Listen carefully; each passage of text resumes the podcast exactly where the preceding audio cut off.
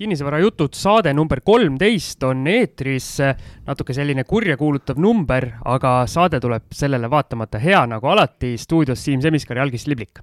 tere, Siim! et me lindistame seda saadet nüüd vahetult enne jõulupühi, aga sel hetkel, kui eetrisse tuleme, siis on jõulud juba kõigil läbi, loodetavasti olid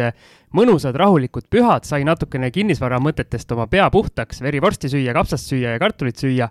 aga nüüd on taas aeg siis kinnisvaralainel lammutama hakata. kuidas on, Siim, kas sina suudad äh, verivorsti kõrvalt äh, vahepeal serveri välja ka lülitada või, või paned ikka oma, oma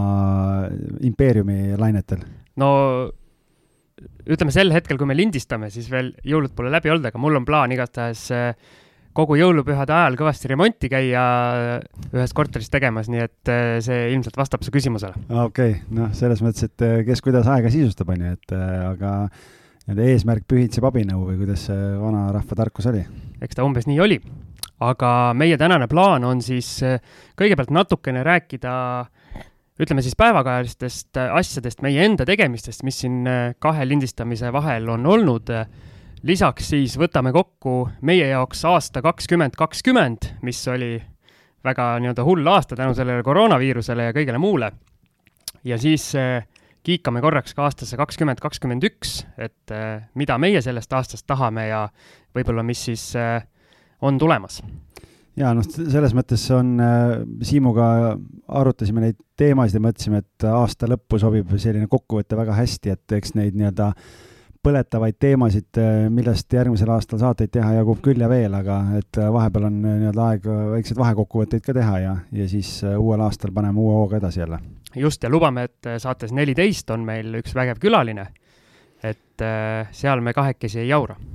ja noh, et äh, ma arvan, et ärme siin pikka loba tee ja kuna tuleb jälle põnev sõit, siis paneme täiskäigul minema. aga hakkame siis pihta, et kõigepealt natukene võtsin meil päevakajaliseks teemaks lahti meie kinnisvarajutud podcasti statistika ja seda siis nii-öelda SoundCloudi põhjal, kus meie need failid üles lähevad ja kõigile teile podcast'i äppidesse lõpuks kuulatavaks jõuavad, siis äh, meil on kaksteist osa tehtud ja kokku on kuulamisi circa üheksa tuhat. päris hea number. noh, jah, mina arvan ka, et on päris hea, eks meil see hakkab tekkima mingi hetk see lumepalliefekt, et mida rohkem osasid, seda rohkem neid kuulamisi juurde tuleb. võin nii-öelda väikse diiserina ette öelda, et sellega seotud on minuga üks äh, uue aasta siis eesmärk, aga sellest juba siis saate lõpus. meil on äh, nagu öeldud, kaksteist osa ja kõige populaarsemad nendest eh, osa number kümme Kristi Saarega, tuhat kakssada kolmkümmend kuulajat, siis Kalle Aron oli teisel kohal, tuhat ükssada kümme, ehk siis eh, kaks saadet meil SoundCloudi põhjal üle tuhande said. raske kahurvägi on eesotsas. absoluutselt, ja siis number kolm, kuidas leida sobiv investeerimiskorter, kus me kahekesi sellel teemal arutasime, see sai umbes kaheksasada viiskümmend kuulajat et kuidas sulle tundub, kas on sellised nii-öelda oodatavad numbrid? Ma ei osanud midagi oodata isegi selles mõttes, et äh, tegelikult on, äh, ma arvan, iga kuulamine on selline tore ju, et, et see näitab seda, et mingile kindlale seltskonnale me oleme nii-öelda ukse lahti teinud ja, ja tegelikult see rohkem, rohkem isegi on nendest numbritest võib-olla kõnetab see, et mis on see tagasiside, mis tuleb ja täna vahetult enne äh, salvestusele tulekut jälle postkasti potsatas üks kiri, kus äh, üks inimene ütles, et ta kuulab ja, ja täiega äge saade, aga ta on just omale kodu ostmas ja, ja väga palju abi saanud nendest erinevatest sammudest, nii et, et aga tal oli seal paar küsimust, millele tal oli täpsustust vaja ja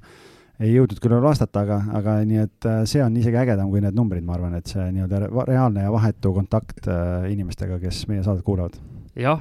oleme saanud ka üsna palju tagasisidet meie kinnisvarajuttude Facebooki grupis ja olen ka nii-öelda isiklikult ka tagasisidet saanud, et tundub, et äh, inimestele meeldib ja see annab meile innustust rohkem seda saadet edasi teha. muide, siinkohal, kui me oma numbritest räägime, ma tahan tervitada äh, Peeter Pärtlit ja Joel Järvelat, sellepärast et äh, kuulasin eile ära Kinnisvara raadio äh, tegi üle nelja-aastase vaheaja järel jälle ühe saate, nii et tervitame kolleege ja, ja igati teretulnud, nii et, et ma usun, et kes veel ei ole jõudnud kuulata, siis otsige podcast'i keskkondadest üles Kinnisvara raadio ja saate seal nii-öelda kuulata ära kõik vanad episoodid ja loodetavasti mehed nüüd jätkavad edaspidi ka. absoluutselt, mida rohkem sel teemal räägitakse, seda lõbusam ja parem ju meile on. absoluutselt. Lähme edasi, võtsin välja ka statistika, kus kohas meid kõige rohkem kuulatakse ja kui räägime riikidest, siis loomulikult Eesti on esikohal, aga seal on äh, igasugu üllatavaid riike tuleb veel statistikast välja, et äh, mis sa arvad, mis riik teisel kohal on? Soome. Soome on teisel kohal. siin on nüüd äh, kokku võetud siis kõik äh, nii-öelda failide mängimised ja ilmselt äh, ilmselt mingitel inimestel ei ole suudetud, suudetud tuvastada, kus riigis on, on olnud, aga Soome jah, siis teisel kohal, Austraalia kolmas, Belgia neljas, Norra viies. ja siis tulevad juba. aga USND? Vot siis tulevadki Hispaania, USA, Rootsi, Gruusia ja Läti on kümnes, ehk siis lätlased eh, oma kuue varbaga meid väga kuulata ei taha. Noh, ütleme, et see on nende kaotus. ja, ja siis meil on kuulamisi ka näiteks sellistes riikides nagu Saudi Araabia äh,, Reunion, see on siis mingi kunagine Prantsusmaa koloonia vist, kui ma nüüd väga ei eksi, kõik äh, hobigeograafid võivad mulle kirjutada ja mind parandada, aga ka Poolast ja Egiptusest ja Saksamaalt ja Ukrainast kuulatakse meid. väga äge, tervitame kõiki kinnisvarahuvilisi kogu maailmas, kes meid kuulavad. just, ja kui nüüd minna veel nagu lausa linnade tasemele, siis äh, ütleme nii, Tallinn troonib seal päris võimsalt äh, umbes kümnekordse vahega järgmise ees ja järgmine on siis Tartu ja siis on Pärnu, kuna meil just eelmises osas üks Pärnu kinnisvara investor käis, siis ma usun, et pärnakate see nii-öelda tase veel tõuseb. ja siis juba neljanda linnana on Helsingi äh, meil Soomes siis äh, edetabelis, ehk siis Helsingis äh, kindlasti ka üsna aktiivne Eesti kogukond ja sealt meid ka kuulatakse ja siis tulevad järjest Viimsi, Saue ja Estonia see on hea linn. see on absoluutselt hea linn, seal on ilmselt mingi statistika väike kala sisse läinud, aga see selleks ja kaheksas on juba Sydney ja üheksas, üheksas, kuula nüüd, on Brüssel. ilmselt, ma loodan vähemalt, meie kuulsad eurosaadikud on need, kes meid kuulavad, et äh, mõtlevad oma nii-öelda nagu tuleviku peale. no vähemalt teavad, et kui on koju tagasi tulemas, et äh, kuhu raha paigutada ja kuidas teha nii, et võimalikult äh, palju raha tooda, tulu toodaks. ja, ja siis näiteks äh, Stol-, Stockholm on kahekümnendal kohal, Verona on kahekümne esimene, Bert on kahekümne kahe, kahekümne teine, Molde kahekümne viies, Genf kahekümne kaheksas, Columbus kahekümne üheksas, USA siis, Columbus USA. ja mis meil on, Trammen kolmekümne ühes, esimene ja Riia alles kolmekümne teine. mis mm. värk on Riia ja Läti üldse? noh, eestlased on kõik koju tagasi tulnud, et siin on ikka parem. aga minu äh, üleskutse on, et äh, ma teen ka meie kinnisvarajuttude Facebooki gruppi sellise teema, et äh, oleks huvitav teada, et need inimesed, kes meid äh, nagu reaalselt välismaalt kuulavad, et see statistika võib natukene jätta niisuguse nii-öelda kõverpeegli mulje, et äh, ma neid interneti asju täpselt ei tea, aga kindlasti on võimalik näidata kuidagi ennast olevat seal, kus see tegelikult ei ole. aga see selleks. aga kui te kuulate meid välismaalt, siis selle teema alla, mis ma teen kinnisvarajuttude Facebooki gruppi, andke palun teada, kus te kuulate meid, miks te kuulate ja mis teie nii-öelda eesmärk on või midagi, nii palju, kui tahate endast avaldada. ja äge oleks ju teada, et kui keegi on seal kuskil USA-s või, või Austraalias ja kuulab, et, et kas nad kasutavad neid teadmisi kuidagi siis sealsel turul, mis on tõenäoliselt päris erinev, või on ikkagi kuidagi nii-öelda side või plaan selles osas, et kui on kodumaale tagasitulek, et siis siis siin midagi teha, et, et see oleks tore teada tõesti. ja me ei välista, et võib-olla kutsume teid ka podcast'i lausa külaliseks. jaa, sellepärast et meil on tegelikult ju grupis üks äge, äge eestlane, kes Ameerikas maju flipib ja ja, ja tegelikult on äh, eelkokkulepe olemas, et mingil hetkel me saame, saame temaga saate ka teha, aga, aga küll me sinna siis jõuame ja, ja hõikame välja, kui see aeg käes on. Nii, aga lähme siit edasi, statistika on läbi käidud ja algis, räägi vahepeal, mis sinul juhtunud on, et ma tean, vähemalt sa ütled mulle iga päev, et aa, nii palju, nii palju on teha, ma üldse ei jõua, et äh, kiire on kogu aeg. tead, see on, aasta lõpp on ikka päris pöörane praegu jah, et äh, tegelikult on äh, eks see aasta on ju kõvasti saanud tööd tehtud ja erinevatele investoritele korterid ostetud ja nüüd on siis see aeg käes, kus kus need korterid on olnud sisustamises ja, ja saavad valmis ja nüüd hakkab see väljaüürimise periood, nii et just siia äh, salvestusele tulles enne seda sai üks äh, korter jälle, jälle välja üüritud, et viimase nädala jooksul neli üürikorterit omale uue omaniku leidnud ja et tööd jagub ja, ja, ja tegelikult äh, eks oma, oma korteritega ka ju, mis meil kaks tükki töös on, et seal, seal küll väga palju selles mõttes uudist ei ole, et äh, et kumbki veel valmis pole saanud, aga aga see pisem, mis meil sai ostetud sinna Uue Maailma piirkonda, sellega nüüd on, selle saaga jätkub selles mõttes, et, et küll on meil seal erinevaid takistusi ette tulnud ja nüüd viimane näide on see, et kuidas meil korteri valmimine lükkub kuskil kaks-kolm nädalat edasi, sellepärast et kuna me nii-öelda sisustus oli IKEA-st ja siis juhtus selline lugu, et äh, lihtsalt äh, äh, IKEA ise transporti ei paku, nad on võtnud omale mingid noh, nii-öelda outsource inud mingid koostööpartnerid, kellel on täiesti kama kaks äh, klientidest ja see, kuidas nagu suhtutakse ja, ja ja suheldakse kliendiga, see on uskumatu, noh, hea näide, et ühel pühapäeva hommikul kell üheksa äh, tuli telefonikõne, et kümne minuti pärast oleme kohal, et toome kauba ära. aga viis minutit enne seda oli olnud teine telefonikõne kus teatati, et äh, ühele teisele objektile tuuakse kaup ära, ehk et sisuliselt oleks pidanud nagu füüsiliselt olema samal ajal kahes erinevas kohas. kuna see ei olnud võimalik, siis ühes kohas käisime, võtsime kauba vastu, siis helistasime teisele kullerile tagasi, et noh, nüüd saaks võtta, mille peale öeldi, et mul suva, ma viin kaubad tagasi, on ju. noh, ja siis äh, sellest jauramisest väga palju tulemust ei tulnud, noh, see oli pühapäev siis esmaspäeval helistasime ja ütlesime, et äh, noh, nüüd on, meil on vaja kiiret lahendust, et kõik on ju nii-öelda paigaldajad, kõik asjad ootavad, on ju, et saaks mööbli kokku panna. ja, ja selle peale öeldi, et noh, reedet saame pakkuda. siis me ütlesime, et ei, me ei ole nõus sellega, et noh, et see oli teie enda logistikute pläkk, kuigi neil vist ei olegi logistikut, noh, lõpuks selgus, on ju. ja, ja siis oli nii, et, et me ütlesime, et okei okay,, et siis me tahame raha tagasi saada, me tühistame tellimuse ära ja siis pakuti teisipäeva et ja öeldi, et äh, teisipäeva õhtul kell üheksa, olge valmis, viimase tellimusena tuuakse teie tellimus kohale ja, ja siis äh, see kontaktnumber, mille nad pidid helistama, nad ei helistanud sellele numbrile, vaid helistasid sellele inimesele, kes tellimuse tegi. tema ei saanud vastata, seitse vastamata kõnet oli, kui ta vabanes äh, kell kaheksa ehk tund enne, kui oli kokku lepitud, helistas tagasi. siis öeldi, et mul pohhui, minu tööpäev on läbi, ma viin kauba tagasi, mina enam ei tule et nagu teist korda umbes samasugune asi ja, ja, ja lõpuks see päädiski sellega, et, et järgmisel päeval kakskümmend kolm minutit jaurasime IKEA-ga ja nemad ajavad transpordifirma kaela, transpordifirma ütleb, et rääkige IKEA-ga ja lõpuks oligi siis äh, suure sõjaga lihtsalt saime transpordiraha tagasi ja võtsime Citybi bussi, läksime järgi ja siis selgus see, et äh, äh, köögitöö tasapind oli puudu ja mingeid juppe oli veel puudu. jõulud tulevad peale, inimesed puhkavad, äh, siis üks äh, inimestest, kes pidi mööblit kokku hakkama panema, jäi koroonasse. Äh, nii et igasuguseid asju juhtub ja nii, et, et selle korteri valmimine ja, ja väljaüürimine nii-öelda on mõnusalt edasi lükanud esialgse nii-öelda protsessiga võrreldes, nii et sellepärast ongi oluline, kui te võtate laenu korteri flipiks näiteks, te peate arvestama väikese puhvriga, sellepärast et vastasel korral võib teil tekkida probleeme, õnneks me olime arvestanud sellega, et teatud tagasilööke võib tulla, nii et otseselt midagi hullu ei ole, aga ise juba nii ammu ootame, et, et korter võiks valmis olla ja tahaks juba ühe toreda üürniku sinna sisse leida kas sa tahad öelda ka, mis ettevõte see seda transporti pakkus, et saaks eemale hoida ma, ma niimoodi ei, ei tea või ei fikseerinud ära, ma arvan, et see nagu ei ole oluline, aga see lihtsalt näitab seda, kui tühi mutter sa oled mingi suure korporatsiooni jaoks, kellel on lihtsalt äh, koormus on nii suur, et äh, ja, ja noh, ma ei, ma ei kujuta ette, kuidas, kuidas üldse saab sellist koostööpartnerit kasutada, kes klientidele noh, oh, sõna otseses mõttes ütleb torus, mul on pohhui no.. ei, ma just mõtlengi, et see on nagu nii-öelda klienditeeninduse noh, üks kohutavamaid näiteid. ja, ja siis äh, oligi ja kui järgmine päev helistasid ja veel rääkisid olukorra ära, siis öeldi, aga te pidite viiest üheksani valmis olema. aga tegelikult seda kokkulepet ei olnud, kokkulepe oli, et kell üheksa, see on kõige viimane. noh, ja siis sa jaurad seal veel umbes, et sa oled ise loll,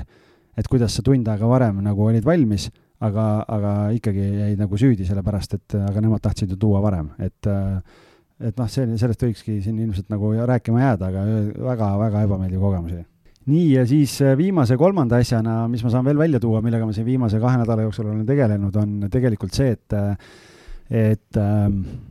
kuna üks investor otsib päris äh, arvestatavaid, noh, tal on päris arvestatav ähm, summa, mida investeerida, siis ma suutsin nii-öelda ühtede müüjatega kokkuleppele saada või noh, ole õige sõna, ma leidsin ühe objekti, mis avalikus müügis täna ei ole ja suutsin siis selle omaniku pähe istutada mõtte, et äkki ta oleks nõus seda objekti müüma. ja, ja nüüd me oleme siin mitmeid kohtumisi teinud ja, ja see asi on nii-öelda ootamatult kiirelt äh, arenema hakanud ja, ja kui kõik läheb hästi, mida ma siiralt loodan, sest ma tõeliselt arvan, et see on nagu sellele minu kliendile nii-öelda ostu mõttes nagu väga-väga hea investeering, et, et, et kui see tehing tehtud saab, siis see on minu läbi aegade kõige suurem kinnisvaratehing. Ja ma võin Siim öelda, et, et see rahavoog, millest me räägime seal igakuiselt, et, et see on, need on viiekohalised summad et meil sinuga on sinna päris pikk maa äh, minna. ma ostan äh, viiekohalistes summades, ostan korterid jah, nii et, äh, aga noh, vaata kuskilt peab alustama, on ju, ja, ja fast forward kümme aastat, äh, see on, võib-olla on äh, tehtav ja nii, et saame heldinult tagasi vaadata, et näed, kunagi, kunagi sealt see kõik algas. aga räägi, kui sa teed oma elu suurima tehingu ära ükskord, kas sa siis viskad lusika nurka ja lähed kuskile peesitama? Tead, ma olen seda mõelnud, aga selles mõttes, et ma las-, laskmata karunahka kunagi ei jaga ja, ja see nagu äh, loomulikult, eks igat äh, töövõitu tuleb tähistada, aga ma pigem mõtlen niipidi, et, äh, et, et ma olen eelkõige rõõmus oma kliendi pärast ja, ja tegelikult on see, annab mulle selle kindluse, et et kui nagu kõvasti tööd teha, siis, siis on turul olemas sobivaid objekte igale investorile ja, ja igas skaalas, aga, aga ütleme nii, et äh, pigem mõtlen selle peale, et, äh, et kui on mingid äh, suuremad töövõidud, et siis mul on mõtted liikunud kohe sinna, et milliseid investeeringuid ja kuhu siis selle rahaga peaks tegema, et, et, et see nii-öelda oleks arukalt ära kasutatud ära siis meiesuguste väikeste poiste maale palun trügi, eks, oma suurte rahadega no ega ei tea, ma vaatan siin, et seal, seal on jube head tootlused, on ju, et äh, võib-olla peab ka oma horisonti natukene ümber sättima, et ega sinu elu ei saa ka liiga lihtne olla. aga, aga ma arvan, et äh, see on lühidalt kõik, et ma arvan, siin noh, ütleme nii, et tööd jagub ja, ja selles suhtes on äh, minu kõige suurem challenge, ma arvan, jõulude ajal saabki olema see, et kuidas see arvuti nii-öelda see server sealt seinast välja tõmmata, et suudaks rahulikult pere keskel kapsast ja kartulit süüa, et, et, et sellises olukorras, kus nii palju tööd on, ei ole väga lihtne. jaa, aga samas on ju huvitav. muidugi, ei ma absoluutselt ei kurda, ma olen väga tänulik, nii et, et kõik on väga põnev ja äge. aga järgmine punkt on meil siis eh, minu vahepealsed juhtumised. minul on selline jutt, et oli vist eelmisel lindistusel, kui me kui me saadet soovisin tegime, õnne sulle. soovisid just, soovisid õnne, ma olin just vahetult maa, seal, vabandust, notaris ära käinud ja endale korteri ostnud ja rääkisime, et see ei ole nüüd Tallinna korter, vaid äh, läksin nii-öelda koduvalda lammutama. tegemist on siis äh, väikese, no mis väikese, ütleme suure ühetoalisega. Äh, Vaida alevikus, Rae, Rae vald. ehk siis, kuna ma ise elan Jüris, siis minu nii-öelda kodukant, mõtlesin, mõtlesin seal kätt proovida. suur ühetoaline, selline äh, tuhat üheksasada kaheksakümmend oli maja, maja ehitusaasta äkki, no põhimõtteliselt niisugune nii-öelda nõukaaegne paneelmaja. ja seal siis äh, pärast seda need nädalad on mul läinud äh, kõva sellise nii-öelda parendamise tähe all, et äh, tõmbasin seal vanad tapeedid maha ja vanad põrandad maha ja nipet-näpet veel. Ja ütleme nii, et ma loodan jaanuari alguseks äh, selle, selle korteri valmis saada või siis ütleme, jaanuari esimeses pooles kindlasti. et äh, ütleme nii, et julgust lisab juba see, et äh, esimesed huvilised, kes sooviksid juba korterit üürida, on nagu olemas ilma kuulutamata. et kuna nii-öelda väike koht ja ma seal nii-öelda Facebooki gruppides äh, nii-öelda figureerin, siis, siis on saanud juba natukene nii-öelda tagasisidet, et tahetakse sealt üürida. Ehk siis see, see annab ka julgust, et päris nagu nii-öelda põrsast kotis ei ostnud. aga natuke numbritest ka, et äh, ostuhinnaks tuli lõpuks kolmkümmend viis tuhat viissada, ehk siis äh, nii, nagu me just rääkisime, et ma ostan neid kolmekümne tuhandelisi, mis äh,, mis turuhinna poolest minu meelest oli äh,, oli nii-öelda üsna madal, et seal müüakse, ma käisin sealsamas kõrvalmajas, käisin äh, mõni aeg tagasi vaatamas kahte identset korterit, mis vajasid nagu põhimõtteliselt täis renoveerimist ja need olid suurusjärgus, äh, müüdi sama hinnaga. et äh, aga minul oli niimoodi, et vannituba oli nagu just hiljuti tehtud, ehk siis äh, seal ei pea midagi tegema. ja, ja köök samamoodi, et köögis ka nagu mitte midagi tegema ei pea, välja arvatud selle, et et tuleb nii-öelda kubu panna ja siis ventilatsioonitoru vedada, et see on nagu ainus töö, mis köögis on vaja teha palju juba tunde sisse oled pannud, oled arvestanud ka? tead, ma alguses hakkasin kirja panema või niisugust väikest nii-öelda enda jaoks niisugust väikest nii-öelda päevikut pidama, et palju, palju minul ja abikaasal, kes ka nii-öelda käib seal nii-öelda tööd tegemas, et äh, palju meil läinud on, aga siis mingi hetk seda need pika, või päevad läksid nii pikaks, et enam ei viitsinud õhtul, õhtul kirja panna, siis jäi mingi nädal vahele. ja siis tagantjärele enam ei mäletanud. aga ühesõnaga, müügi või see ostuhind kolmkümmend viis, viissada oli äh,, hindamisakt äh, tuli põhimõtteliselt kolmekümne kuue peale, natukene rohkem ka, aga seal nii-öelda ümardati allapoole. ehk siis äh, enda arvates sain hea hinnaga. ja plaan on välja üürida, alustada kahesaja üheksakümne pealt ja noh, ma ei saa võib-olla välja öelda, mu võib-olla tulevased üürnikud kuulavad, et äh, on mingi nii-öelda piir, millega ma olen nii-öelda rahul, et ma olen nagu nõus nagu alla ka andma, ehk siis äh, ma arvan, äh, kui selle saab kätte, siis tootlus on äh, suurepärane ja see on väga hea ju, et ma praegu peast hakkasin arvutama siin, et saad niisuguse kahekohalise numbri, no remondiraha sisse siis päris ei tule, aga, aga sinna mm, rohkem kui Tallinnas saab. jah, ja remondieelarve pluss siis mingid mööbli, mööbliesemed, et see on mul planeeritud kahe tuhande peale ja tundub praegusel hetkel, kuna enamus suuri asju on juba olemas,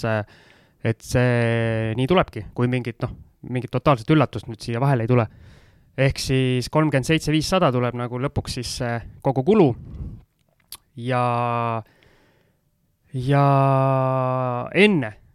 oli ka see korter välja üüritud ja siis oli üürihinnaks kakssada nelikümmend viis. ehk siis, kui ma ta nüüd eh, nii-öelda enda arvates ikkagi oluliselt paremaks teen, siis ma arvan, võib rohkem küsida küll. muidugi, kindlasti. nii aga oota, mis aeg sa valmis tahad saada siis, et millal, millal pilte saab näha ja, ja kaasa äh, rõõmustada ma...? saad enne valmis kui meie enda korteri? ma ei tea, millal teie see tähtaeg on? no meil on ammu juba möödas, et äh, mul, mul veel ammu möödas ei ole, noh, ise ma loodan siin jaanuari esimestel päevadel, aga kui saab jaanuari esimeses pooles, niimoodi, et on kõik valmis ja juba lähebki pildistamiseks ja kuulutus ülesse, siis ma olen nagu rahul, et et see on nagu selline plaan ja ma spetsiaalselt tegin äh, enne pildid ka, et nii-öelda ostuolukorrast, et äh, tegin pildid ja siis ma teen samadest kohtadest, teen pärast pildid, ehk siis äh, saab panna kinnisvarajuttude Facebooki gruppi ja siis saavad inimesed kommenteerida, kas ma olen täitsa lammas või sain nagu hakkama. ma võin natuke diiseri korras öelda, et ma olen mingeid pilte näinud ja ütlen, et mehel, mees nagu orkester, et et tundub, et tuleb täitsa ilus asi sealt. no peab tulema jah, et nii palju siis saab öelda, et ma nii-öelda tööd teen ise ja siis äh, mul abikaasa, kellele hullupööra meeldib äh, seinu pahteldada, lihvida ja värvida, et need, need tööd teeb kõik tema. ehk siis, siis me nii-öelda kordamööda käime, et äh, üks valvab lapsi ja teine teeb tööd ja siis hea meeskonnatöö. absoluutselt, ja siis vahetame. sellised lood siis minuga. nii, aga sul on tegelikult üks korter müügis ka praegu, et räägi, kuidas sul sellega läheb, et mis Aa, seal põnevat toimub? et äh, on üks äh,, üks korter Kristiines, mille ma ostsin nüüd vahetult enne seda, seda Vaide korterit, aga kuna see Vaide asi oli nii hea diil, et ei saanud mööda lasta, siis, äh, siis see Kristiine korter nagu seisab ja siis ma panin ta müüki. lihtsalt sellepärast, et kui keegi ära ostab, et äh, nagu selle hinnaga, mis ma, millega ma olen valmis müüma, siis äh,, siis las ta olla aga sellega on nüüd huvitav, et äh, on käidud äh, küll vaatamas nii-öelda siis ostu, ostuhuviga, aga ma arvan, et ma olen saanud äh, no päris kümmet kõnet veel maakleritelt saanud ei ole, kuigi mul on kuulutus. nii vähe või? jaa. kui kaua üleval on olnud kuulutus? Mm,? äkki kaks nädalat, umbes niimoodi. kas sul on kirjas, et maakleritel mitte ja, tülitada? jah, mul okay. on need kuulsad laused, et ei, ei luba kuulutust kopeerida ja, ja maakleritel mitte tülitada, on kõik ilusti kirjas. aga loomulikult kohe esimesest päevast alates on maaklerite mm. neid, neid kõnesid ilusti tulnud peale. ja üldine, üldine siis äh, seisukoht on see, et äh, kõikidel maakleritel on omal juba ostu, ostukliendid olemas, kes on hullult huvitatud korterist, aga maakler tahab ikkagi selle korteri enne ise üle vaadata, et ta ostukliendile saaks öelda, et kas on mõtet pakkuda või mitte. okei et tahad, ma räägin selle nüüd ära, kuidas, kuidas asi käib või mis, mis seal taga on? ma natuke nii-öelda kuulajatele ütlen, ma algiselt nagu uurisin ka, et kuidas see maaklerite see, need nipid on, et kas on mõtet õnge minna või mitte ja. kuna ma olen ise ju maaklereid tööle võtnud ja koolitanud ja ja, ja siis ma tean kõiki neid skripte ja asju, mis me oleme seal lihvinud ja, ja välja töötanud ja nii edasi, siis, siis selles mõttes kõik on nagu tuttavlik, aga, aga noh, räägime selle reaalse tausta ära tegelikult, et kui keegi hakkab müüma ise korterit, noh, kui mina töötan ostukliendiga, noh, siis tegelikult, kuidas asi käib, on see, et äh, kui ma otsin Siimule investeerimiseks korterit,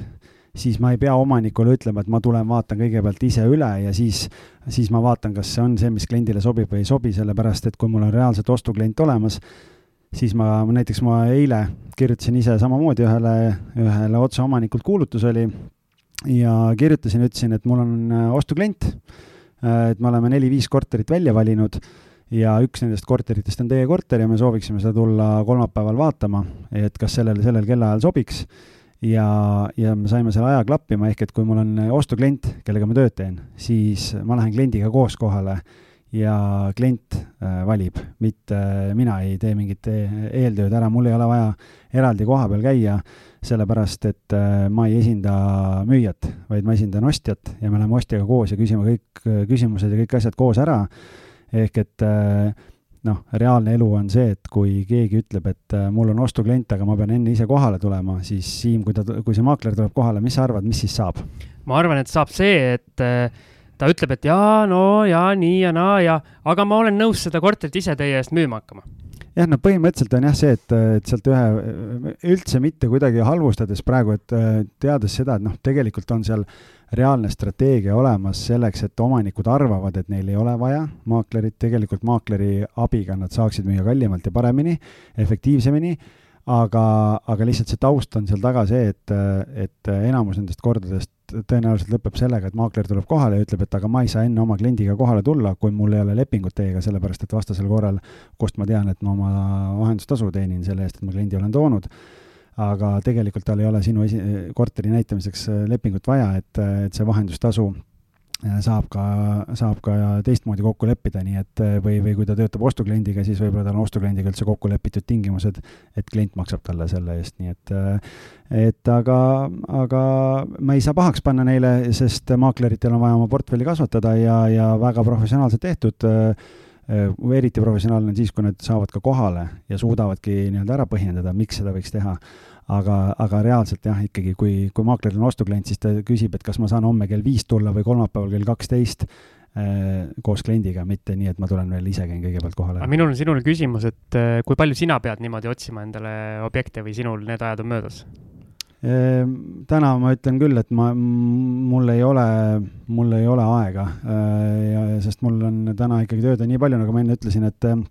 et mitte kuidagi üleolevalt kõlada, aga eks ongi kõvasti saanud tööd tehtud selle nimel ja kui sa ikkagi maaklerina piisavalt palju pingutad ja piisavalt kaua turul oled, siis sul tekib mingi püsikliendid ja ja, ja kes äh, tahavad pidevalt siis üürile anda või osta-müüa ja erinevaid tehinguid teha, et täna mul otseselt endal nagu nii-öelda, me nimetasime külmad kõned et külmi kõnesid teha ei ole vaja, et portfelli kasvatada, aga uuele maakleril tal teistmoodi ei olegi võimalik oma portfelli kasvatada, nii et äh, olge nendega leebed, käituge normaalselt ja, ja lugupidavalt, sest äh, neid näiteid, kus mul uusi maaklereid äh, sõimati ja, ja lubati käeluud katki murda ja ma ei tea, mida kõike veel, siis noh, see ei ole okei okay. mina just äh suuresti ka nii-öelda meie saate huvides võtsin kõik need kõned vastu ja nii-öelda väga pikalt rääkisin nendega, et väga huvitav oli ja ma sain, noh, ütleme nii, et need vähemalt osade kõnede nii-öelda meelelahutuslik väärtus oli nagu äh, väga kõrgel tasemel, sest. Äh, said müügiskilli kohe proovile panna, jah? ja, ja ma hakkasin nendega diskuteerima ikkagi ja, ja ma sain teada näiteks, noh, üks asi, mis ma alati ütlesin, nii-öelda sinu näitel ütlesin, et mul on üks väga, väga hea sõber on nagu väga hea maakler, et kui mul on nagu maakleri teenust vaja, et siis ma pöördun tema poole. ja siis küsiti kohe, et et kas meie kontorist või sellest meie, meie büroost, ma ütlesin ei, aga no siis noh, ja siis tuli umbes selline vastus, et aga kui hea ta saab olla, kui ta meie büroost ei ole okay.. no et äh, sihuke selles mõttes enesekindlus on ikka nii-öelda tasemel. ja see on tore, kui nagu öelda oma äh, büroosse ja, ja kõigesse brändi usutakse, et selles mõttes väga äge. ja siis ühe, ühe Eesti ilmselt suurima või ühe suurematest büroodest äh, maakler ütles väga enesekindlalt, et neil on ilmselgelt kõige parem büroo, mis müüb kõik asjad maha ja müüb kõige rohkem Eestis, et kõik teised, et äh, see on morsipidu lihtsalt. okei, noh, ütleme nii, et, et äh, kõige parem nii-öelda müügistrateegia võib-olla konkurentide halvustamine ei ole ma ise mõtlesin ka sama, noh, okei okay,, see ei olnud nagu päris halvustavalt ilmselt öeldud, lihtsalt oli nagu ennast äh, nii-öelda upitatud äh, nagu ilmselt, ilmselgelt kõige kõrgemale. aga jah, miks mu point oli või tähendab, äh, nii-öelda enamus, enamus inimesed said või need maaklerid said selle peale aru, kui ma ütlesin, et tegelikult mul ei ole otsene eesmärk seda objekti müüa. et on mul lihtsalt müügis sellepärast, et nii-öelda õng on välja visatud, et kui keegi näkkab, siis näkkab, kui ei näkka, siis siis ma ühel hetkel jõuan ise selle korterini ja teen ta korda ja siis vaatan, vaatan juba ise edasi, et. äh, jaanuariks on juba uued äh, tunked ostetud, et läheb järgmise objekti peale. jah, kusjuures äh, need püksid, millega ma remonti tegin, need on, lähevad väljaviskamisele okay. päris tõsiselt. okay., aga ei, väga äge, et selles mõttes on jah, et et äh, ütleme, ega sul, ega ta seal leiba ei küsi, noh, natukene maksab, kui need kuulutused üleval on, aga võib-olla kui kellelgi on just vaja sellist korterit äh, nagu sul on, siis, siis äh, kes teab. jah, minu meelest ka, et äh, parem kui niisama mm -hmm. seista. okei okay,, aga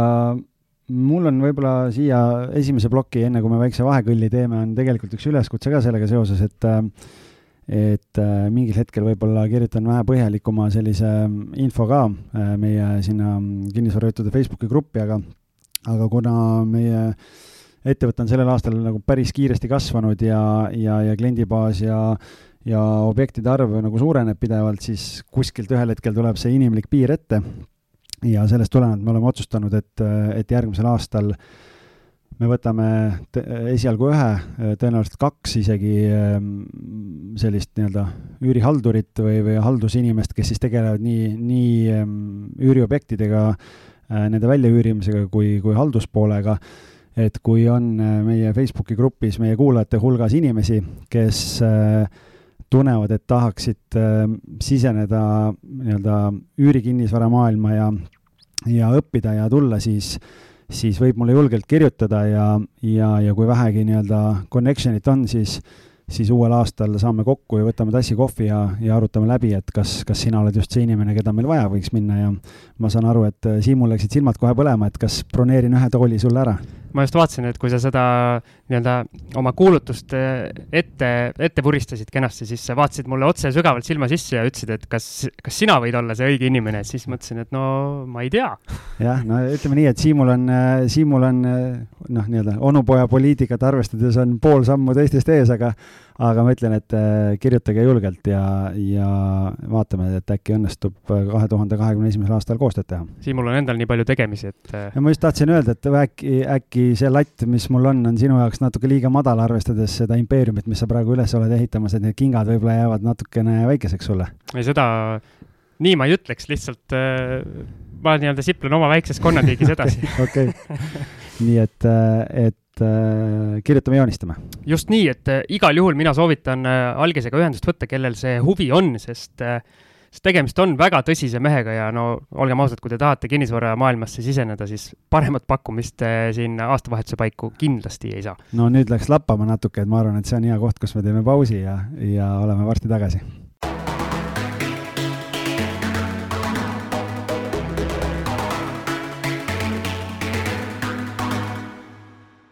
ja pärast väikest vahekõlli oleme tagasi, et äh, vaadata veidikene tagasi aastale kakskümmend kakskümmend, äh, kohe näha, et äh, ma olen väga ebakompetentne nii-öelda raadioajakirjanik, sõnakordus tagasi tuli ühes lauses, aga see selleks. noh, see on äh.... meil on podcast, meil on podcast, Algis no näed, isegi noh, sul on siin edasi ja tagasi ja mul isegi mind võttis kohe sõnatuks, onju, et ma ütlen nii, et ega on pikk aasta on selja taga ja eks ta võtabki vahepeal, ongi sõnatuks võtnud, et yeah., et äh, loodetavasti siit saab ainult paremaks minna. me teeme ausalt ja omadega mingit äh, lõikamist ei ole, nii et lähme edasi jah, et äh, selline, see näitabki, et kõik tuleb ehedalt ja ei ole siin mingeid kokku miksituid asju. nii, meil on pandud järgmine punkt kirja, et Siimu juhtumised kakskümmend kakskümmend aastal kinnisvaras, huvitav, kes küll sellise punkti meile siia pani, aga kui selline äh, teema on, siis äh, tuleb siis väike tagasivaade teha. tegelikult panin endale ka tärnidega kirja natukene, et millest rääkida. ühesõnaga. Siimul on põhjalik kodutöö tehtud, nii et ei ole siin äh,, ei ole siin midagi, et ainult mina kodutööd teen, Siim on ka ennast korralikult ette valmistanud. no ma õpin parimat, et kui siin äh, kümne esimese osaga ka ei suuda midagi õppida, siis tuleks saatejuhti vahetada. nii põhimõtteliselt minu nii-öelda kinnisvarajutud kakskümmend kakskümmend algaksid siis sellega, et juba enne koroonaaega tegelikult minul oli see üks üürikorter, meie eelmine kodu siis, mis oli üürile antud ja seal oli üürnikuga hakkasid probleemid tegelikult juba eelmise aasta lõpus. kuskil äh, seal talvel, sügise lõpp, talvel hakkasid vaikselt probleemid, kus siis äh, üüriraha hakkas, hakkas kergelt hilinema. et alguses oli äh, nii-öelda, ma ei tea, viis päeva, siis nädal ja niimoodi nii-öelda vaikselt jooksis ja lõpuks, kui oli juba uus aasta ja äkki veebruar, vahetult enne koroonat põhimõtteliselt, äh, oli niimoodi, et äh, see üürnik enam ei maksnud. ja siis ta kadus ära, mul kolmeks nädalaks kadus ära, me oleme vist ühes saates oleme seda kunagi siin nüüd puudutanud ka, siis kui me üürnikest rääkisime. ehk siis see oli minu selline õppetund üürnike koha pealt, et ikkagi natukene karmim tuleks olla, et ei saa niimoodi nagu algus võib olla viis päeva, pärast nädal ja siis need asjad lihtsalt mingi hetk lähevad lappama. noh, tegelikult siin ma just ütlen, selline teenus nagu rendin, ma olen varem ka maininud, tegelikult aitab selliste olukordade vastu, sellepärast et kui sul on sealtkaudu üürileping tehtud, siis kui omanikul tekib mingi, mingi või tähendab, üürnikul tekib äh, mingi probleem, siis äh, Rendin platvormi kaudu tegelikult omanikule on äh, kolme kuu ulatuses üürimaksed, noh, garanteeritud ei ole õige sõna, aga nad teevad tööd selle nimel, et sa saaksid ilusasti lepingu lõpetamiseni oma rahad kätte ja saaks nagu pidulikult laiali minna pidulik noh, selles mõttes nagu rõõmsalt pidulikult laiali minna. meie läksime ka selle üürnikuga nii-öelda pidulikult laiali lõpuks juba kõvasti pärast koroonaaega võtsin sealt väikese miinuse sisse. tema aga... pidutses ja, ja sina läksid laiali? ei, ma vist olen siin öelnud ka, et tegelikult oli nii-öelda toreda inimesega tegemist, et ta ei olnud üldse pahatahtlik ega midagi, aga lihtsalt äh, olidki sellised nii-öelda rasked momendid ja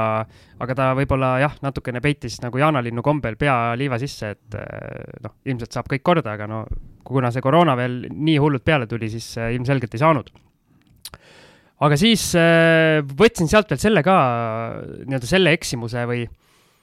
et äh, natukene alahindasin seda olukorra tõsidust, kui tegelikult juba oleks pidanud hakkan-, hakkama üsna aktiivselt nagu tegutsema sellega, siis ikkagi lootsin ka, et kõik läheb veel hästi ja läheb paremini ja natukene nii-öelda ei uurinud piisavalt seda nii-öelda tausta, et äh, aga õppetunnid sain kätte ja siis äh, tuli leida uus üürnik. ja põhimõtteliselt sealt siis äh, saigi alguse minu selline uus äh, või selline innustus kinnisvara vastu, et äh, see üürniku leidmise protsess ja otsimise ja leidmise protsess oli üsna selline, kuidas ma ütlen, natuke nagu isegi sihuke noh. adrenaliin või? just, jah, jah, sihuke nagu see rõõm, mis pärast oli, kui üürnik sees oli ja kõik nagu hakkas hästi minema, see oli nagu umbes nagu spordis, et sa näed hullu vaeva tükk aega, siis on see nii-öelda võistlus, on see pidupäev, vaata ja siis, kui veel nii-öelda hea tulemuse ka teed, siis, siis see rõõm on nagu ühe korraga nii suur pärast. täpselt sama, mis Einar Elving ütles eelmises saates tegelikult, et, et talle väga meeldib, kui ta näeb konto peal seda, kuidas see kõik realiseerub numbriteks, et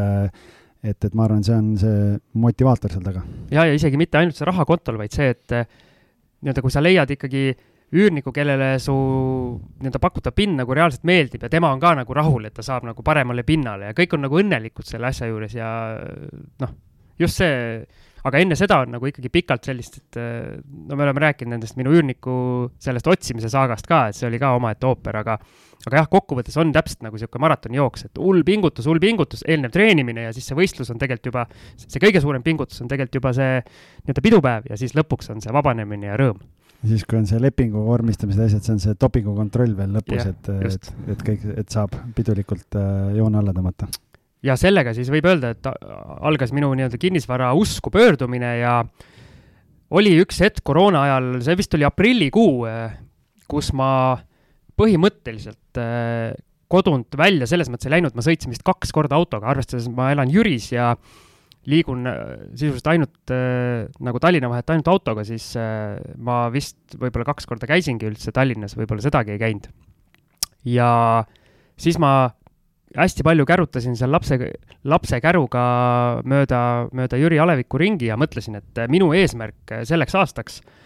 on äh, oma portfelli soetada veel juurde siis kaks üürikorterit. ehk siis üks meil oli ja tahtsin jõuda number või siis kolme peale. ja tol hetkel tundus see täiesti äh, kuidas ma ütlen, püüdmatu, nii-öelda püüdmatu idee, kuna mul ei olnud isegi, isegi nagu mingit teadmist, kas pangad laenu annavad, mis tingimustel nad annavad, kas äh, üldse on äh, mingeid selliseid objekte, mis mulle võiks sobida või midagi. see oli täiesti selline nii-öelda lambist võetud eesmärk, sellepärast et ma nagu hullult tahtsin. ja asi oli veel selles, et ma tahtsin äh, need korterid osta ettevõttele, et sealt see nii-öelda laenu, laenuprobleemid siis minu jaoks, kuna ma ei olnud ettevõttele kunagi nii-öelda laenu taotlenud, ma isegi ei teadnud, kuidas asi käib või, või mismoodi see võiks lõpuks nagu välja näha. aga eesmärk sai pandud ja siis hakkasin, hakkasin neid kulutusi vaatama. ja kui tol hetkel tundus see uskumatu, siis nüüdseks on kolm korda käidud notaris. üks korter on juba ammu, ammu kenasti üüril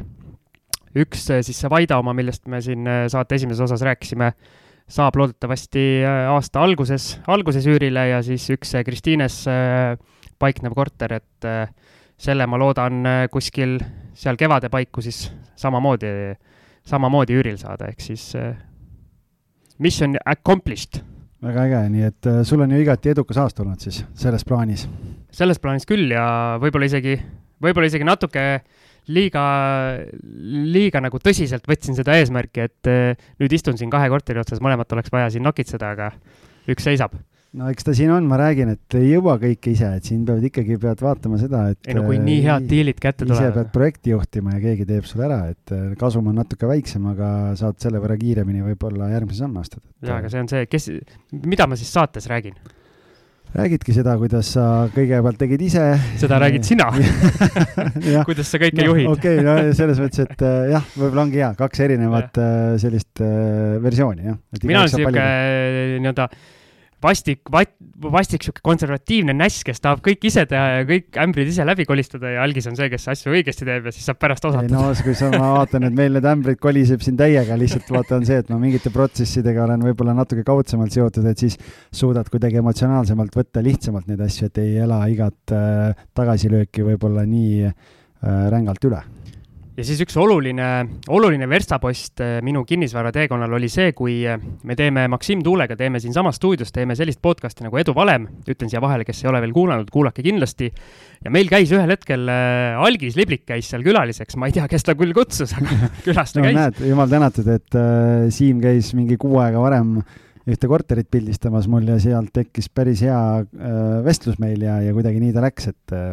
ma pärast räägin oma poole siia juurde veel, et. see võib hoopis teistsugune ei, ei, see on äh, huvitav jätk nii-öelda. jah, ja siis äh, mul nii-öelda tekkis nagu mõte, et tegelikult kui see kinnisvara nii väga huvitab äh,, siis äh, ja tol hetkel sellist äh, nii-öelda kinnisvarainvestoritele suunatud podcast'i Eestis ka ei olnud, et äh, Peeter Pärteli see kinnisvararaadio oli aastaid juba nii-öelda varjusurmas olnud, siis mõtlesin, et äh, räägiks algisega, et äkki ta oleks nõus äh, midagi taolist tegema ja siis sain äh, nii-öelda huvitava vastuse, et ta on ammu selle peale mõelnud ja et see oli nagu nii-öelda ideaalne pakkumine ja siin me oleme. et ja. Äh, ja ma siin lõpetan ära ka, et ühesõnaga võib vist kokkuvõttes öelda, et väga selline nii-öelda raske ja tormiline aasta oli mul, arvestades, et see koroonaviirus ja meil neid lapsi tuli ka juurde oluliselt, oluliselt palju, et see tekitas nagu, kuidas ma ütlen senisesse elusse nii-öelda pidi tegema suured muutused, aga, aga samas oligi täiesti nii-öelda nagu elumuutev aasta, et äh, nii kinnisvaras kui ka selline uus nagu motivatsioon, mis sai leitud ja siit on hea edasi panna. Ma ütleks nii, et äh, kuskilt ei paista sul see raskus välja, et mulle tundub, et sa jaksad siin, kui ma vaatan Siimu kõrvalt tegelikult, et mees paneb siin mitut podcast'i teha, ise remondib kortereid, käib pildistamas veel ja, ja veab siin mingeid äh, meediaportaale ja asju, ma ütlen, et ja, ja siin lapsed ja naine ja kõik asjad, et ma ütlen, et kas sul on rohkem aega kui teistel inimestel? Äh, ühe hea mehe selja taga on üks väga hea naine, vot tänu sellele. kuldsed sõnad. aga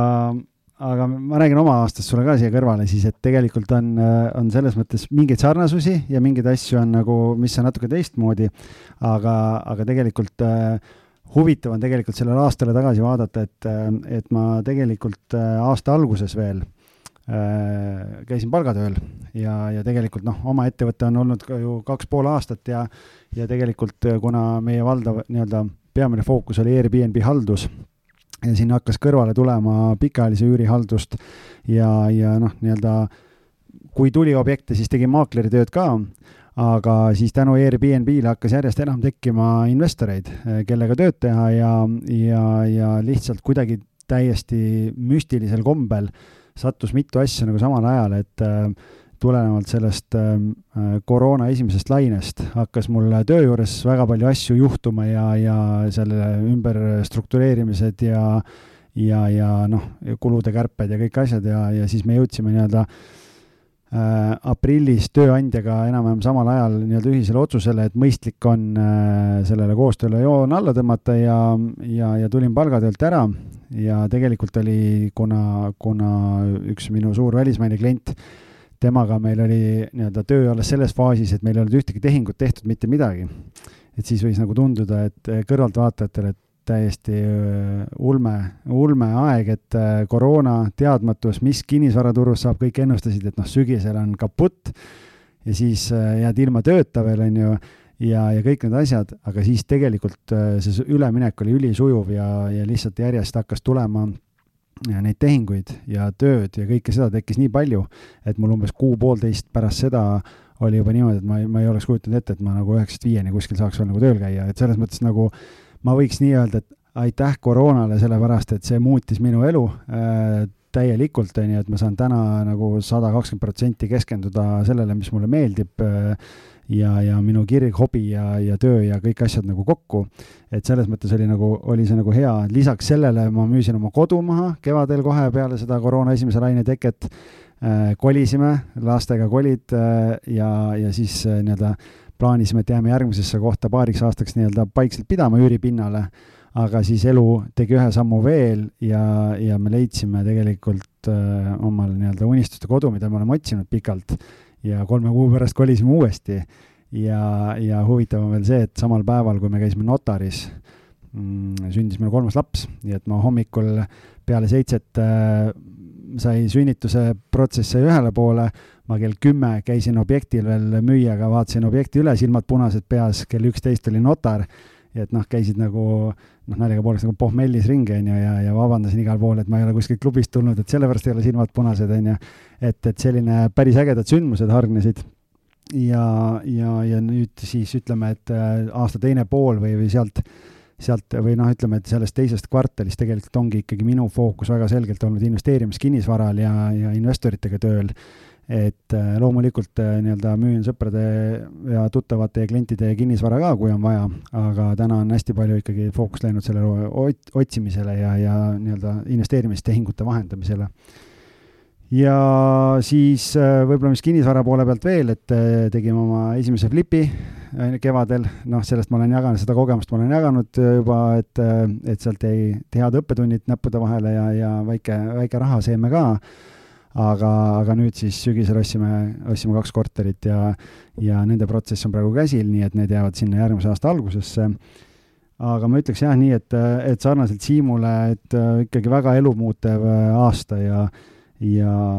ja kui ma nagu vaatasin, võtsin aastad kokku ka, et, äh, et päris hirmuäratav number tuli seal kokku, et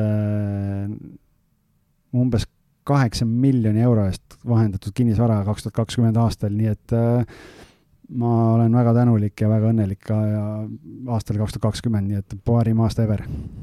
ja mina ütlen veel siia selle ploki lõppu, et kes tahab äh, algise nii-öelda elulooga täpsemalt äh, kursis olla, siis kuulake Edu Valemi podcasti number seitseteist.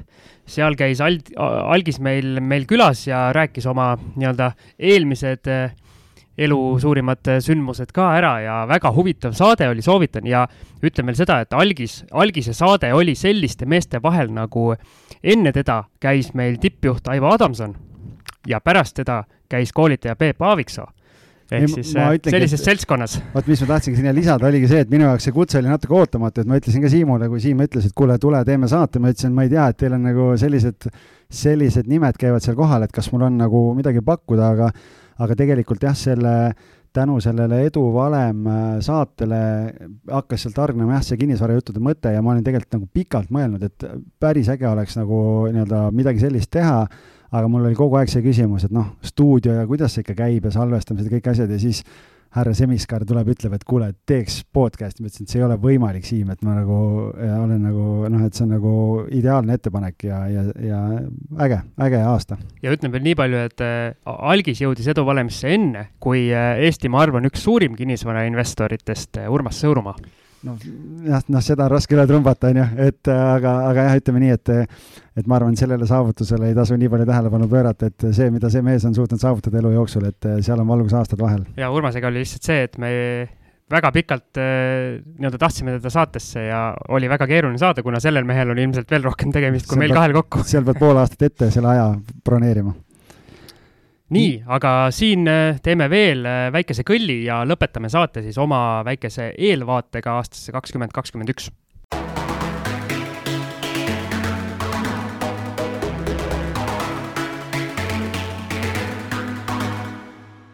ja kinnisvarajuttude kolmeteistkümnenda osa lõpuspurt on alanud.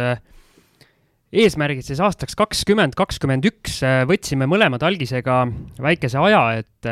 mõtiskleda ja kirja panna enda jaoks, et mida me tahame järgmisel aastal saavutada. kui me siin algise selle aasta neid äh, nii-öelda juhtumisi kuulasime, siis äh, mulle tundub, et minu eesmärgid said liiga, liiga väikesed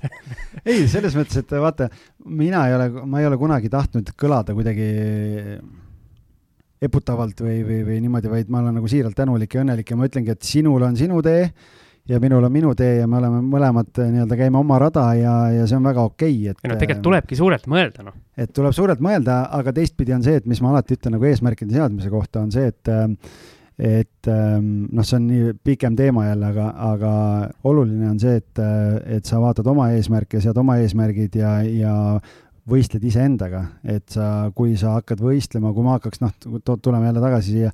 ma, mul ei oleks mõtet härra Sõõrumaaga hakata võistlema, sellepärast et liivakastid ja nii-öelda teekonnad on väga erinevad. et äh, mul on oluline, et äh, ma püstitan omale eesmärgid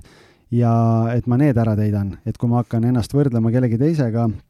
siis see demotivatsioon on väga kiire tekkima, et, äh, et täpselt sama, kui mul uued maaklerid alustasid, siis ma ütlesin ka, et igaühe eesmärk ja soov on erinev, keegi tahab võib-olla kiiresti kaks-kolm tuhat eurot sissetulekut endale tekitada, teisele piisab tuhandest, see tähendab erinevat tempot, erinevat kõnede arvu, erinevat portfelli, kõiki asju. et äh, sinu eesmärgid on sinu eesmärgid ja need on väga okeid, nii et äh, üldse ei pea kuidagi nendelt nii-öelda tähtsust või väärtust maha tõmbama, nii et äh,. ei, ma lihtsalt mõtlesin, et äkki peaks isegi suuremalt mõtlema tead, ma ütlen päris ausalt, et äh, kui ma neid eesmärke panin, on ju, et mul on osad ju seotud minu ettevõttega ja ega ma ei ole, ma ei ole veel äripartneriga neid läbi arutanud, on ju, et äh, lükkan täna siin välja ja siis ütlen talle, et kuule, näed, nüüd on vaja ära teha. rahvas teab, rahvas teab ju aga mind väga palju inspireeris Kristi Saare ikkagi, kui ta käis ja rääkis, kuidas tema pani ikkagi lati väga kõrgele ja nad on aastaga selle ära teinud ja ja kui ma selle peale mõtlesin, siis ma ütlesin, et kurat, kui tema suutis ära teha, siis miks ma ei peaks suutma ühesõnaga, minu äh, esimene eesmärk, mis ma kirja panin, oli äh, hankida siis kaks korterit üüriportfelli juurde, siin muidugi selle arvestusega läheb natukene selles osas keeruliseks, et äh, mul hetkel kaks on üüril, üks on siis kohe minemas ja üks korter tegelikult on ju ka veel juba olemas, aga ma veel ei tea, kas ma teen selle endale üürimiseks või, või müügiks. ehk siis paneme siis selliselt, et arvestame, et kolm korterit on justkui olemas, et ja siis äh, aasta lõpuks peab olema vähemalt viis. viis üürikorterit välja üüritud? täiesti nii-öelda enda nii-öelda ettevõtte omanduses ja välja üüritud, kõik okay. nii-öelda töötab. nii, siis äh, lisaks sellele aasta jooksul vähemalt kaks flippi või vahendus äh,, vahendustehingut. ma arvan, see on, arvestades seda, et sa tahad kõike ise teha, siis äh, mm, tundub nii-öelda meie eelmist plokki arvestades äh, väga realistlik äh, plaan, sellepärast et äh, kui sa kaks tükki korraga tahad teha, siis see jälle jääb seisma üks, et. pool, pool aastas üks siis. nii. ja siis põhiasi ilmselt, mis, mida ma tahaks teha, on enda ettevõtte rahalist positsiooni tugevdada, et siis põhimõtteliselt panga silmis säilitada või tõsta oma laenuvõimekust, ehk siis esiteks, et saada need eesmärgiks olevad äh, üürikorterid äh, laenuga osta ja siis võib-olla isegi. no mis see action plan seal on, kuidas tugevdamine? tööd teha. tööd teha, jah? tööd teha ja raha teenida. et kinnisvaravälist äh, cash flow'd juurde tekitada, et oleks jah, nii-öelda nagu tegeleda edasi oma põhitegevustega, et põhimõtteliselt võib vist öelda, et kui sina tulid nii-öelda palgatöölt ära selle aasta nii-öelda koroona ajal, siis mina olen ilma nii-öelda palgatööta siis juba varsti kolm aastat äkki. kellel pildistamist vaja kaks tuhat kakskümmend üks aastal, siis äh, tulistage Siimule, et Siim, vaadake tema portfooliot, Siim teeb väga head tööd, nii et äh, et win-win. see on üks osa, üks osa mu tegevusest, et minu, mina olen väga seda meelt, et oma nii-öelda seda nagu sissetulekute ampluaad võimalikult palju laiendada, et kui üks asi ära kukub, näiteks koroonaga kõik üritused lõppesid, eh, mul fotokas seisis, ma ei tea, kaks kuud järjest kuskil kapis, ehk siis ei, ei pidanud isegi välja võtma, siis põhimõtteliselt natukene lülitusin ümber ja tegin muid asju, et see on ka minu soovitus võib-olla ja miks mina eelistan, ütleme siis vabakutselise tegevust palgatööl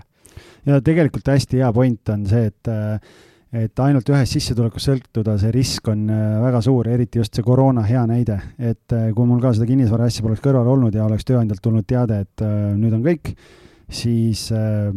natukene aega saad puhvriga hakkama, aga mis siis edasi saab, et tegelikult on hea, kui neid allikaid on kaks-kolm, miks mitte neli isegi, et, et, et siis saad ise vaadata, kust kõige paremini läheb ja, ja võib-olla natukene rohkem fookust panna sinna. Eks nii-öelda selle haldamisega on kohati, kohati keeruline, et sa ei saa ikkagi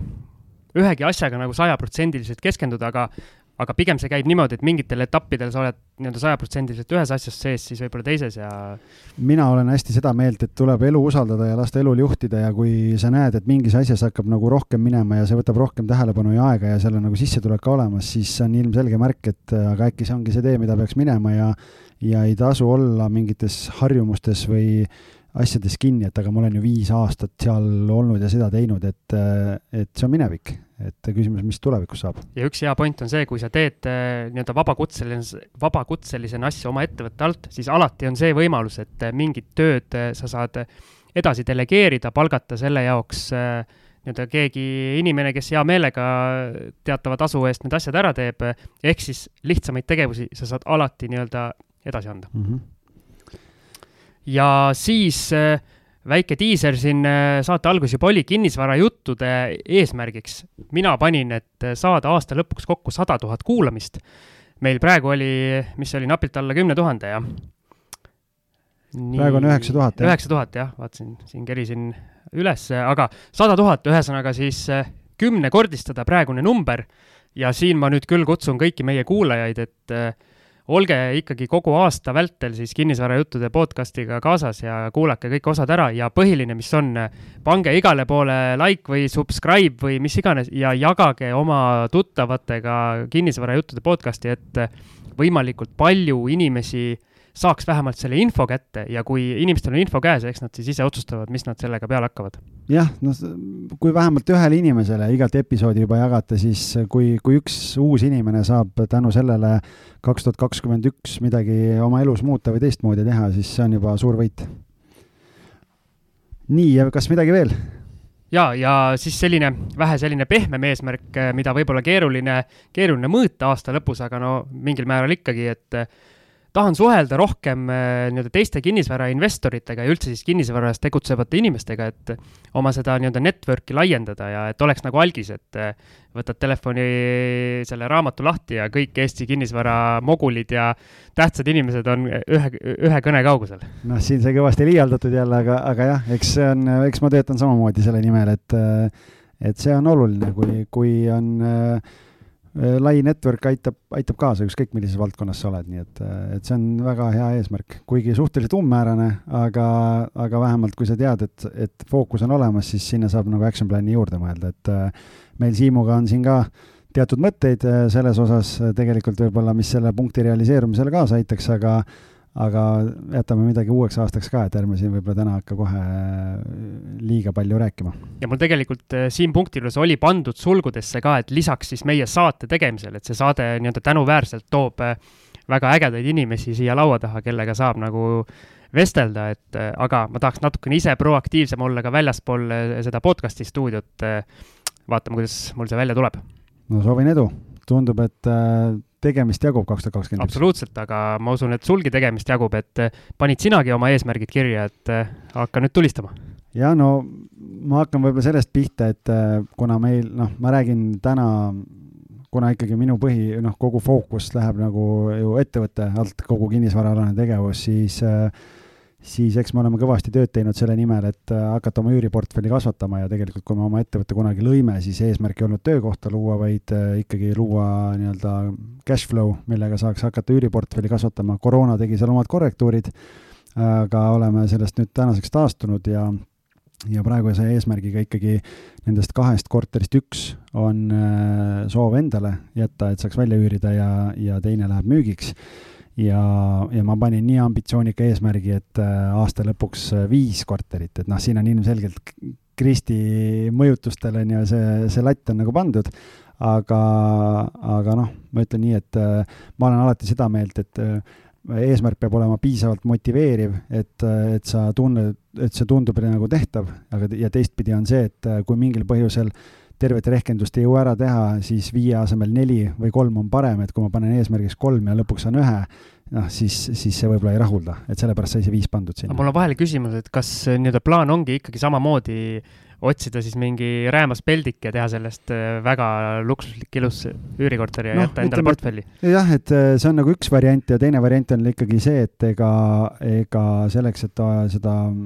portfelli kasvatada saaks, peab flippe ka tegema ja ma sellepärast paningi, et, et oma kapitali juurde saada, ma paningi, sa panid poole aasta peale ühe flipi, ma panin kvartali peale ühe.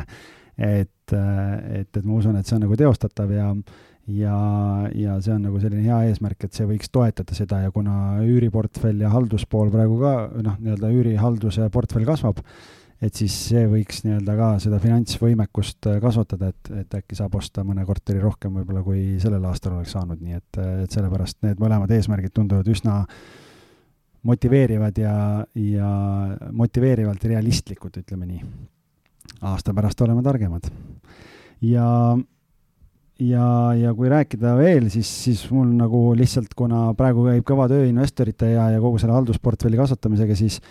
siis äh, ma siiralt loodan, et meie ettevõttel järgmise aasta lõpuks on äh, kakssada korterit või üüri, üüripinda on siis halduses, nii pikaajalised kui lühiajalised kokku.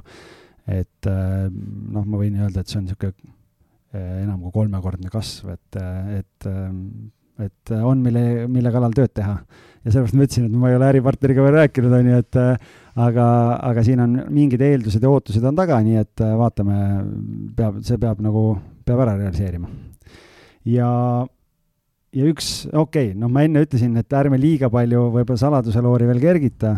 aga ma tegelikult äh, ikkagi ise näen täna seda, et äh, et äh, nii müügi, müügivaldkonnas kui kinnisvara valdkonnas on seda kogemust nagu piisavalt ja, ja täna inimesed on küsinud erinevaid küsimusi ja asju ja ja kaks tuhat kakskümmend ma juba ju olen tegelikult teinud ka mingeid äh, koolitusi siin Airbnb teemadel, et äh, tegelikult mulle selline teadmiste jagamine meeldib, et, et see on nagu üks suund, mida ma tahan kaks tuhat kakskümmend üks edasi arendada, et teha erinevaid, erinevaid siis e-kursusi või, või koolitusi. Ja, ja siinkohal üleskutse meie kuulajatele ka, et äh, kui on kinnisvara teemal mingeid äh, seminare või mingeid teemasid, mille koha pealt äh, arvate, et võiks nagu seminari teha, et millest teile kasu võiks tekkida, siis võib märku anda, sest meil Siimuga on endal siin erinevaid mõtteid ja, ja siis me saame nii-öelda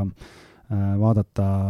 et kust teed pidi nagu minema hakata ja, ja mis kõige rohkem väärtust luua võiks. nii et tundub, et, et siin ega see kaks tuhat kakskümmend üks tempo väga palju aeglasem ei tule kui kaks tuhat kakskümmend. aga ega meil ei olegi aeglast tempot vaja ju noh, see jah, selles mõttes, et äh, eks tuleb ikka täistuuridele panna, et äh, niikaua kui tahtmist ja motivatsiooni ja kõike jagub, et siis, siis ja raud on tuline, siis tuleb, tuleb taguda eks me siis saame oh,, esiteks ma ütlen, ma loodan muidugi, et äh, nii-öelda kinnisvarajuttude podcast äh, jätkub siis uuel aastal samas äh,, samas graafikus, et kord nädalas me uue osaga välja tuleme, ehk siis kuskil circa siis, mis see on, mitu nädalat meil aastas on? viiskümmend kaks. viiskümmend kaks, jah. no circa poolesaja osa pärast teeme siis uue kokkuvõtva osa, kus me saame vaadata, kes kui puusse pani oma eesmärkidega. kas käsi kullas või? jah, seesamune ja.. Et siis saate meie üle kas siis naerda või aplodeerida seal oma raadio, raadioaparaatide taga. jah, no ma loodan, et ükskõik, kas teile endale või kellelgi teisele, et kui, kui mingil põhjusel eesmärgid täitmata jäävad, et parastada ei ole vaja, et äh, no natuke tuleb, võib. jah, see, noh, me, kui siis Siimu, kui siis, kui siis Siimu kallal võib, aga, et äh, aga jah, et, et tuleb lihtsalt omad järeldused teha ja, ja vaadata siis, et kust sai mööda pandud või vastupidi, ma loodan, et ikkagi meie kuulajatel läheb nii hästi, et kõik suudavad oma eesmärgid kuhjaga üle teha et, et saab aasta lõpus tagasi vaadata öelda, et, et tubli, hästi tehtud. aga lõpetuseks võib vist öelda, et kõikide eesmärkide ikkagi aluseks on see, et äh, nii-öelda tegutseda, et äh, ükski eesmärk iseenesest seal paberil äh, ei täitu. ehk siis kuskilt tuleb otsast pihta hakata ja lihtsalt minema. Üks soovitus eesmärkide seadmise kohta, mis, mis nagu, millest võiks nagu alustada, on see, et kõigepealt pange omale aasta eesmärk paika, jagage see kvartalite peale ära, siis jagage kuude peale ära, siis jagage nädalate peale ära ja kui on väga nii-öelda suurt fookust ja tähelepanu nõudvad eesmärgid siis suisa päevade peale ära. et, et suuremast, kaugemast eesmärgist pihta ja, ja selle kohta minu arust Stephen Covey on öelnud, et begin with end in mind. Ehk et kõigepealt see suur verstapost paika ja siis tuleb tükkideks jagada, et millise ampsuga, kust seda elevanti sööma hakkad, et lõpuks söödud saaks. Ehk siis võib vist öelda, et kui näiteks sinu eesmärk on osta uuel aastal oma esimene investeerimiskorter siis tuleb võtta samm tagasi ja esiteks vaadata, kas sul on nii-öelda laenuvõimekus või sul on juba raha olemas, siis nii-öelda paika panna kriteeriumid, millist korterit sa otsid, mis hinnaskaalal ja nii edasi, selle kohta meil on ka eraldi osa olnud mhm. lausa. ja siis hakata vaatama kuulutusi, siis äh, hakata käia korterid vaatamas ja nii edasi, et samm-sammu haaval. ja, ja kes tahab kaks tuhat kakskümmend üks oma eesmärgid ära teha, ma arvan, et äh, kui täna veel kõiki saateid ei ole kuulanud, siis alustage esimesest saatest pihta ja see võiks olla väga hea spikker, kuidas step by step minna, et äh, alles, arvest-, alustades sellest, et kui, kas täna on see kapital koos või kui ei ole, kuidas eesmärgistada, kuidas see raha kokku saada ja, ja mõelda selle peale, et äh, kust täiendavat tulu tekitada näiteks, et seda saada. Ja kõik, kõik need sammud, kõik oleme Siimuga läbi rääkinud, nii et äh, spikker on olemas ja, ja tuleb ainult läbi kuulata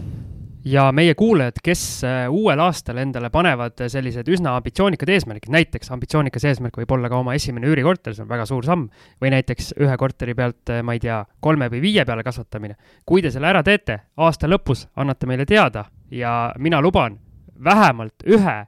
oma kuulajatest kutsume me saatesse rääkima, kuidas tema kakskümmend, kakskümmend üks äh, üürikinnisvaraturul lammutas. see on hea mõte, see on hea mõte ja